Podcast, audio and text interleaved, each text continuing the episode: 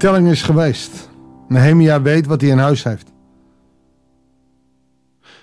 Daarmee kon hij zien hoe sterk hij was. Hoe hij moest optreden, hoe hij kon optreden. Hoe hij puur en rein voor Gods aangezicht de strijd kon aangaan. En het puur en rein geeft even wat te denken vandaag. Maar soms moet je ook even een strakke lijn trekken. Nou, zullen we het maar gewoon gaan ontdekken. We lezen Nehemia 7, vers 61 tot en met 72.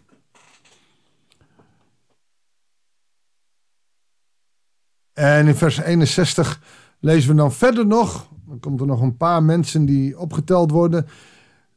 Waren de mensen die kwamen uit Tel Melach, Tel Gar, Garsa, Kerub, Adon en Immer.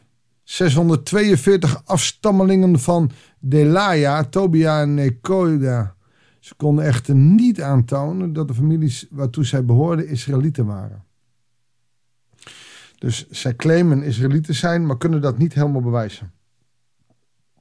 Dat gold ook, en hier komt even het lastige voor de priestersfamilie Gobaya, Hakos en Barzillai.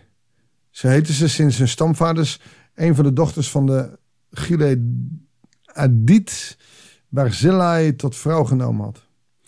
Zij zochten naar schriftelijk bewijs dat ze in de geslachtregisters waren ingeschreven, maar ze vonden het niet. En op grond daarvan werden ze onrein verklaard en van het priesterschap uitgesloten. De landvoogd liet hem weten dat ze niet van de allerheiligste offergaven mochten eten, totdat er een priester was die met behulp van de orakelstenen uitspraken kon doen. Dit klinkt allemaal wat mythisch. Orakelstenen. Waar het hier om gaat is dat je niet zomaar kan claimen in die tijd dat je priester bent.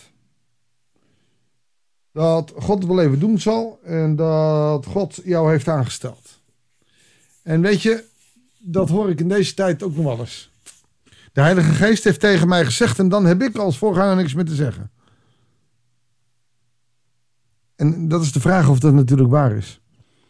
Vandaar dat, zeker in zo'n precaire situatie, ze het priesterschap in ieder geval kosher willen houden.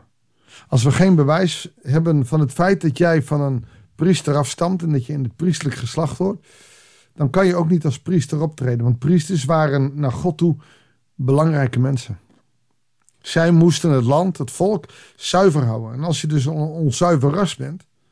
Kijk, met de komst van Jezus, als dat voorhangsel verbreekt, kan iedereen persoonlijk tot hem treden. Hoef je niet meer tot het geslacht van de priesters te horen. Kan je op basis van wie je bent, God aannemen in je leven. Was in het Jodendom, zeker in het Oude Testament, wel even anders. Je ziet daar dat het belangrijk is om een soort van zuiver bloed te hebben.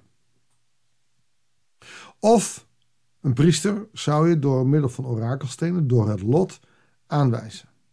Is dat raar? Nee, dat zie je ook in het Nieuwe Testament als door het lot de twaalfde, dus de opvolger van Judas Iscariot, wordt aangesteld. Je vertrouwde erop dat God door het lot dan ook werkelijk waar zou werken. Dus orakelstenen, het, het lot, uh, dat gebeurt in de Bijbel wel. Ook in, in de christelijke omgeving. Dat is men in die tijd gewend. Tegenwoordig zijn we dat niet gewend. Mensen die met orakelstenen uh, werken, zijn ook vaak geen aanhangers van God. Uh, en, en daarin ontstaat dan ook meteen een, een, een lastig iets. Heel veel schimmige genezingsprocedees ja, zijn op, opeens schimmig geworden omdat ja, mensen die christen zijn er wel mee bezig zijn, maar nou, dat, dat maakt het allemaal moeilijk. Ik denk dat God het ook altijd lastig heeft gevonden om zijn volk volledig te accepteren, omdat ze ook dingen van andere goden gingen aannemen, andere godsdiensten. Je zag dat een tijd geleden toen we over Salomo zaten. En die ging ook allemaal verkeerde mensen binnenhalen. En zelfs die wijze God heeft tempels voor Astarte laten staan. En dat is niet de bedoeling van God. Maar goed, hierin is Nehemia koosje zich nou eerder dan dat die orakelstenen uitspraak doen, zal je niet de dienst van de priesterschap kunnen doen. De hele gemeenschap telde in totaal 42.360 personen. Daarbij kwamen nog 7337 slaven en slavinnen. nog 245 zangers en zangeressen, 435 kamelen en 6720 ezels. Ezels waren werkbeesten, die kon je gebruiken. Zangers en zangeressen, die staan daar tussen, tussenin. Het waren een soort, ja, die waren in dienst voor, van de levieten en de priesters om uh, te zingen. Cultuur.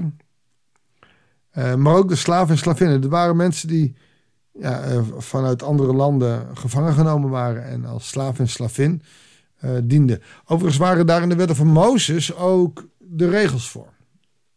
En zo bruut als velen geweest zijn, mocht het volk Israël niet zijn. Je moest ook je slaven en slavinnen goed behandelen. Immers, je was zelf ook slaaf en slavin geweest in Egypte. Een aantal familiehoofden stond een bijdrage af voor de tempeldienst. De landvoogd gaf duizend gouden dariken, een munteenheid in die tijd, 50 offerschalen, 30 priestergewaarden en 500 minen zilver voor de tempelschat. Dat ben je voor God zodat daar de priesters, de levieten, voor konden leven. Enkele familiehoofden brachten voor de tempeldienst 20.000 gouden dariken en 2200 minen zilver bijeen. En de overige terugkerende ballingen gaven 20.000 gouden dariken, 2000 minen zilver en 37 priestergewaarden. Wat je hier ziet is dat de tempeldienst in ere wordt gehouden. De muren zijn opgetrokken. Op het moment dat de muren zijn opgetrokken, kan je beginnen dus je huis te bouwen, je eigen ik neer te zetten. Of je gaat de tempeldienst in acht houden. Nou, door al deze uh, mensen die, die hun giften geven, die familiehoofden, kun je dus de tempeldienst, oftewel de godsdienst, je christelijke godsdienst zouden wij nu zeggen, maar je godsdienst in stand gaan houden. En dat is belangrijk omdat dat belangrijker is dan, dan je eigen huis bouwen. Als je God op de eerste plaats zet, zal hij ook zegenen. De priesters, de levieten, de poortwachters, de tempelzangers, een deel van het volk, de tempelknechten en alle andere Israëlieten vestigden zich in hun steden. Dan ja, moeten we eigenlijk al lezen, begint de voorlezing van de wet. Aan het begin van de zevende maand, toen de Israëlieten zich in hun steden hadden gevestigd. Kom maar, dan moet ik even naar een ander hoofdstuk. Maar dat is al acht 1. Verzamelde het volk, voortallige volk, zich op het plein voor de waterpoort. Het herstel is begonnen. De priesterdienst kan beginnen. Hoe zit het met jouw muren van het geloof? Zijn ze opgetrokken? Durf je daar mensen voor te vragen? Ik heb een, mooi boekje. Dat is geen christelijk boek. Het heet uh, De jongen, de mol, de vos en het paard. En in een van de platen staat daar: Wat is het meest dappere wat je ooit hebt gedaan? Vraagt de jongen aan het paard. Ik kan hem zo gauw niet even vinden. Maar dan zegt het paard: Om hulp. Je ziet dat Nehemia dat doet. Die vraagt om hulp, die vraagt mensen om zich heen. Om de tempelmuur, het geloof overeind te houden. Zodat de tempeldienst dan kan gaan beginnen. De muren staan bij uh, Nehemia. De tempeldienst kan beginnen. Een prachtig voorbeeld voor hoe ons leven eruit kan zien. Daarom wil ik voor je bidden.